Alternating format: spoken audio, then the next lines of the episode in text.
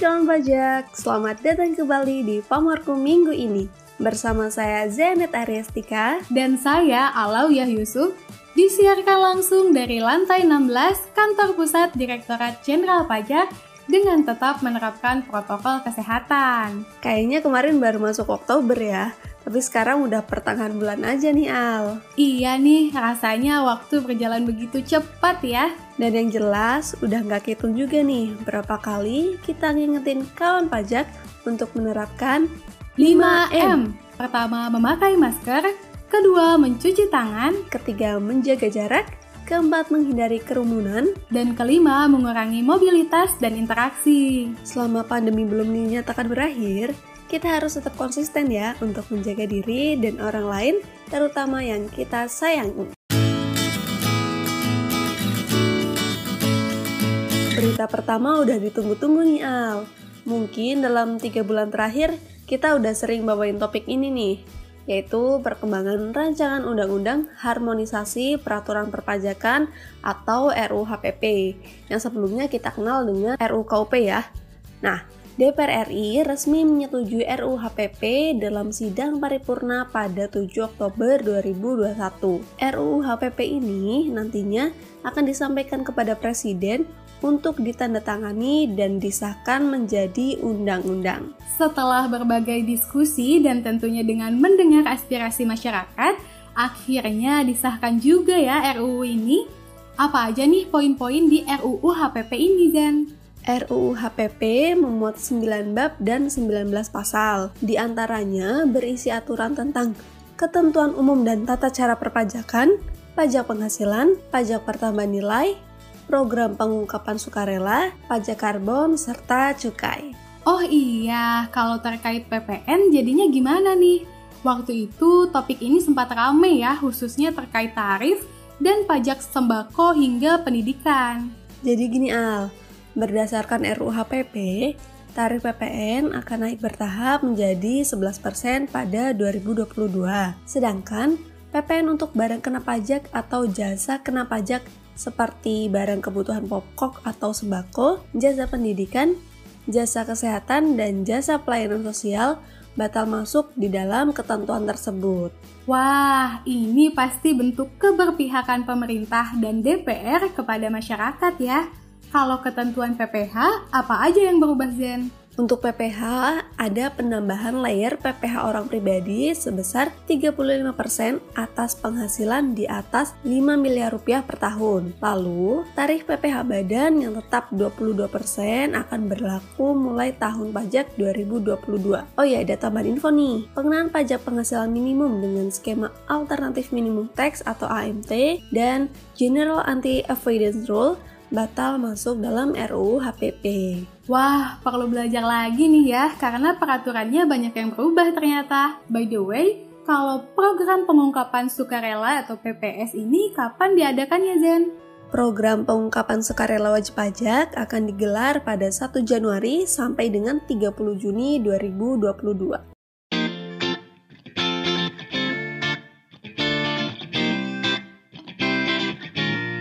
Udah dulu nih topik RU HPP-nya. Ada berita apa selanjutnya, Al? Sebenarnya masih berkaitan juga nih dengan RUU HPP sebagai bagian dari reformasi perpajakan. Wah, tentang apa tuh? Pemerintah akan mengintegrasikan nomor induk kependudukan atau NIK KTP sebagai nomor pokok wajib pajak atau NPWP. Hal ini sebagai bentuk efektivitas administrasi dan pelayanan publik. Wah, keren. Jadi kita nggak kebanyakan identitas ya, cukup dengan NIK aja. Penerapannya gimana nanti Al? Betul. Nah, pemerintah menegaskan aktivasi tidak berpatokan pada usia di atas 17 tahun. Namun, hanya akan dilakukan bagi masyarakat yang sudah memperoleh penghasilan di atas PTKP atau penghasilan tidak kena pajak. Siap. Jadi nggak usah khawatir ya, punya NIK bakal langsung kena pajak. Direktorat Jenderal Pajak bersama Perusahaan Umum Percetakan Uang Republik Indonesia atau Perum Peruri meluncurkan meterai elektronik atau e-meterai yang diamanatkan oleh Undang-Undang Nomor 10 Tahun 2020 tentang Bea Meterai pada Jumat 1 Oktober 2021. Tujuannya untuk memudahkan masyarakat dalam melaksanakan kewajiban perpajakan sekaligus memberikan kepastian hukum atas dokumen elektronik. Makin canggih aja ya. Gimana tuh cara penggunaannya? Pembubuhan meterai elektronik dapat dilakukan melalui portal e-meterai pada tautan post.imeterai.co.id dengan terlebih dahulu membuat akun. Jadi makin terkagum-kagum aja nih dengan perkembangan pelayanan digital di masa kini. Semoga DJP semakin semangat ya melakukan reformasi di berbagai bidang agar pajak kuat, Indonesia maju.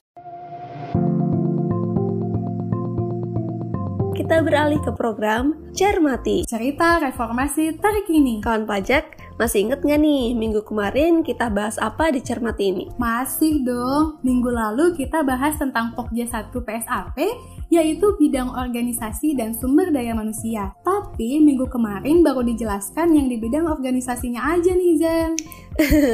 iya ya, masih ada utang cerita nih kita. Betul. Nah, kita udah janji kan mau lanjutin bahasan terkait Pokja 1 untuk bidang sumber daya manusia. Biar makin kenal dan makin sayang nih, gas lanjut aja Zen bahasan terkait bidang sumber daya manusia. Oke, langsung aja ya. Jadi, visi bidang SDM ini adalah mengembangkan sumber daya manusia yang tangguh, akuntabel, dan berintegritas dalam rangka menjalankan proses bisnis DJP dalam rangka menghimpun penerimaan pajak sesuai dengan potensi yang ada. Nah, kalau inisiatif strategis bidang ini apa aja, Al?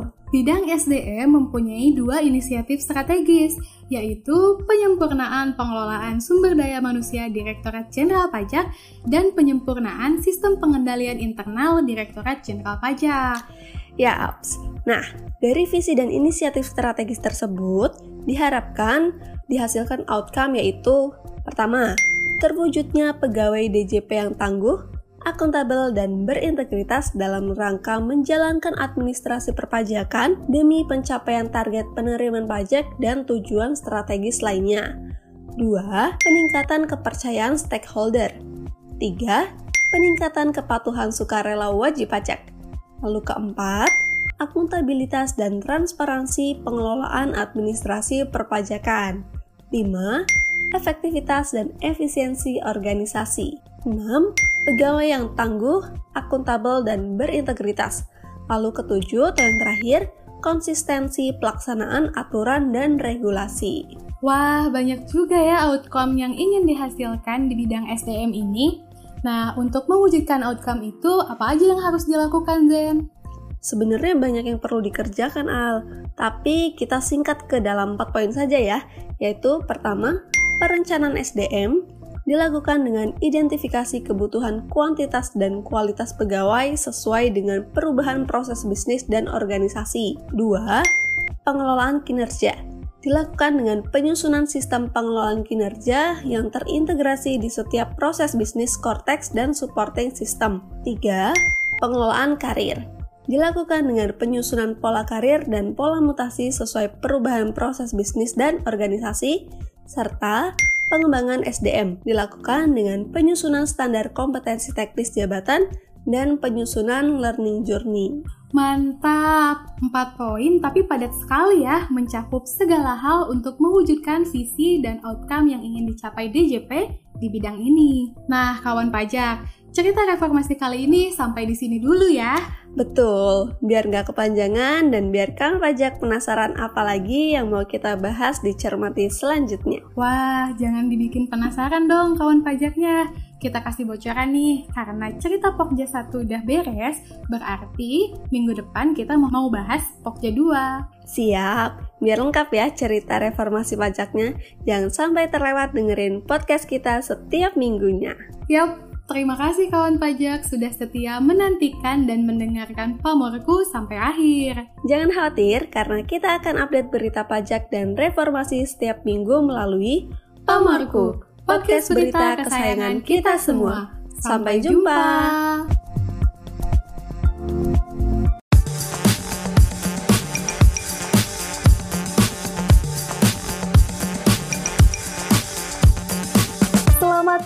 Kawan pajak, selamat datang kembali di Pamorku minggu ini bersama saya Alawiyah Yusuf dan saya Janet Ariestika disiarkan langsung dari lantai 16 Kantor Pusat Direktorat Jenderal Pajak dengan tetap menerapkan protokol kesehatan. Gimana nih kawan pajak? Meskipun level PPKM di berbagai daerah sudah banyak yang turun, tapi level ketaatan terhadap protokol kesehatan jangan sampai turun ya. Bener banget. Pandemi belum berakhir, jangan kasih kendor ya protokol kesehatannya. Dan kita pun nggak pernah bosan buat ngingetin kawan pajak untuk selalu menerapkan 5M. Pertama, memakai masker kedua mencuci tangan, ketiga menjaga jarak, keempat menghindari kerumunan, dan kelima mengurangi mobilitas dan interaksi.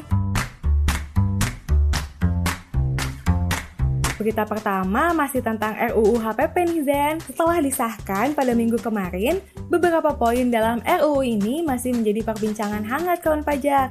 Salah satunya tentang integrasi NIK dengan NPWP. Beberapa kawan pajak masih banyak yang menilai kebijakan ini akan menyebabkan kawan pajak yang mempunyai NPWP otomatis dikenai pajak. Betul banget. Masih banyak mispersepsi ya di kalangan masyarakat. Padahal tujuan penerapan NIK sebagai pengganti NPWP ini adalah untuk memudahkan kantor pajak serta meningkatkan efektivitas administrasi dan pelayanan publik. Nah, itu dia. Pemerintah juga menegaskan integrasi NIK dengan NPWP ini tidak lantas menjadikan NIK sebagai syarat orang pribadi wajib membayar pajak. Balik lagi ke pengertian wajib pajak. Masih ingat nggak Zen? Orang pribadi yang menjadi wajib pajak itu jika sudah memenuhi ketentuan subjektif dan objektif. Nah, apa tuh Zen syarat subjektif dan objektifnya? Masih dong. Syarat subjektif itu dikatakan subjek pajak dalam negeri kalau tinggal di Indonesia lebih dari 183 hari dalam 12 bulan atau berniat tinggal di Indonesia. Kalau syarat objektif, jika orang pribadi ini memperoleh penghasilan yang melebihi penghasilan tidak kena pajak atau PTKP.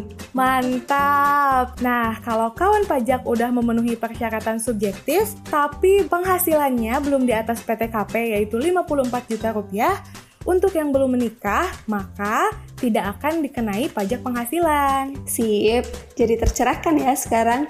Oh ya, menanggapi hal ini, Ketua DPR RI Puan Maharani meminta pemerintah untuk menjamin keamanan data pribadi masyarakat terkait integrasi NIK dan NPWP. Menurut beliau, kerahasiaan data dan informasi NIK harus menjadi prioritas karena kerahasiaan data pribadi merupakan hak rakyat yang harus dipenuhi negara. Setuju banget, pemerintah harus melakukan pengawasan yang ketat agar tidak ada pihak-pihak yang mengakses data warga untuk hal-hal yang tidak bertanggung jawab. Oke, kita lanjut ke berita selanjutnya ya.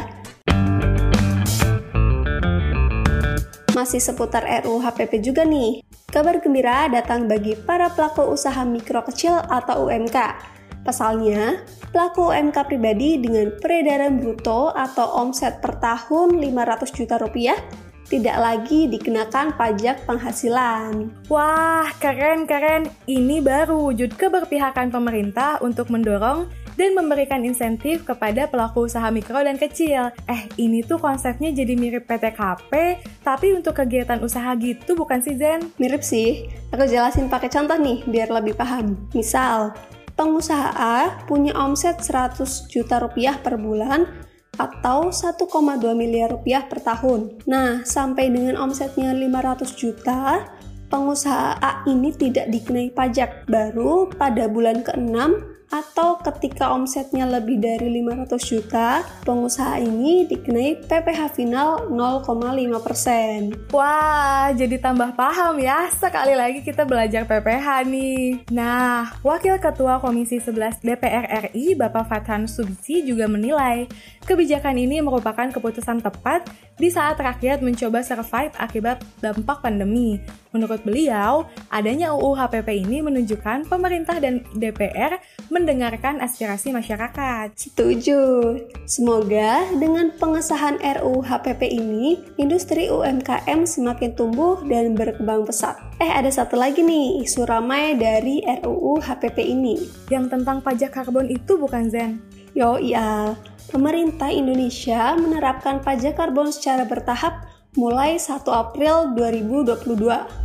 Kementerian Keuangan menetapkan tarif terendah pajak karbon senilai Rp30.000 per kilogram karbon dioksida ekuivalen atau satuan setara. Jumlah ini disesuaikan dengan harga karbon di pasar karbon per kilogram. Menteri Keuangan Ibu Sri Mulyani Indrawati juga menegaskan, penerapan pajak karbon merupakan bukti bahwa Indonesia sudah ambil bagian dalam upaya pengendalian perubahan iklim. Penerapan pajak karbon melalui UU HPP ini merupakan milestone penting menuju perekonomian yang berkelanjutan. Pajak karbon ini juga merupakan salah satu upaya pemerintah menurunkan emisi gas rumah kaca yang berbahaya bagi lingkungan sesuai dengan target dalam Nationality Determined Contribution atau NDC. Benar banget. Pajak karbon merupakan langkah pemerintah dalam memperkuat kebijakan pengendalian dampak perubahan iklim. Implikasi pajak karbon itu menjadikan Indonesia sejajar dengan negara-negara maju yang telah menerapkan kebijakan ini